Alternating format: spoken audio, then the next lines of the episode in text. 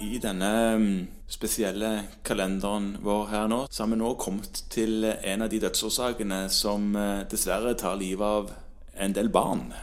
Ja.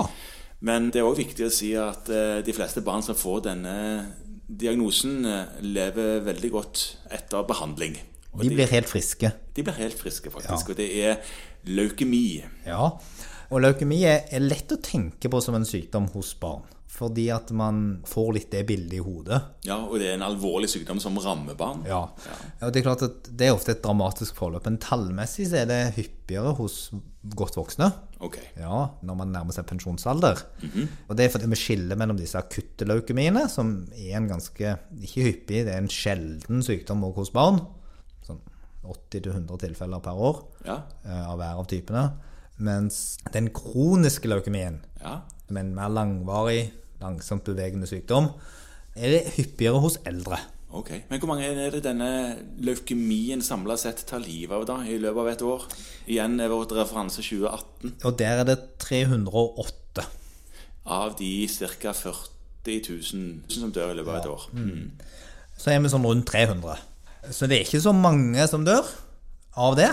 Men som sagt, hos barn har jo dette et ganske dramatisk forløp. De presenterer seg ofte med veldig sånn alvorlige symptomer. Dette er ordentlig, ordentlig syke barn.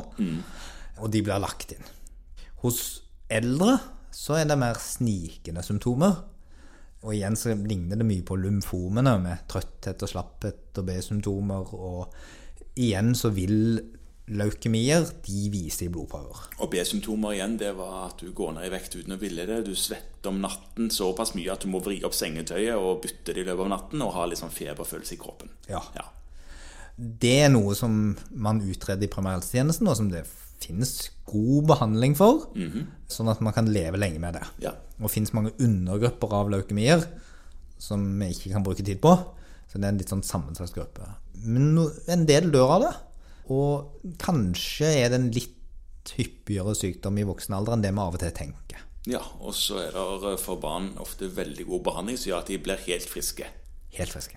Og ris men det er en liten risiko der at noen av de som har hatt denne sykdommen som barn, de har risiko for andre sykdommer når de blir voksne igjen. Ja, det stemmer. Altså for noen av disse kreftformene så har det vist seg at barn som har gjennomgått en akutt leukemi, har mange ganger, f.eks. ved akutt eh, lymfatisk leukemi, så har de en 13,5 gang for høy risiko for å få en annen kreftform senere i livet. Så det er jo kanskje noe å være spesielt oppmerksom på dersom du får symptomer som du lurer på, og nevne for legen din at du som barn hadde en leukemi. Ja.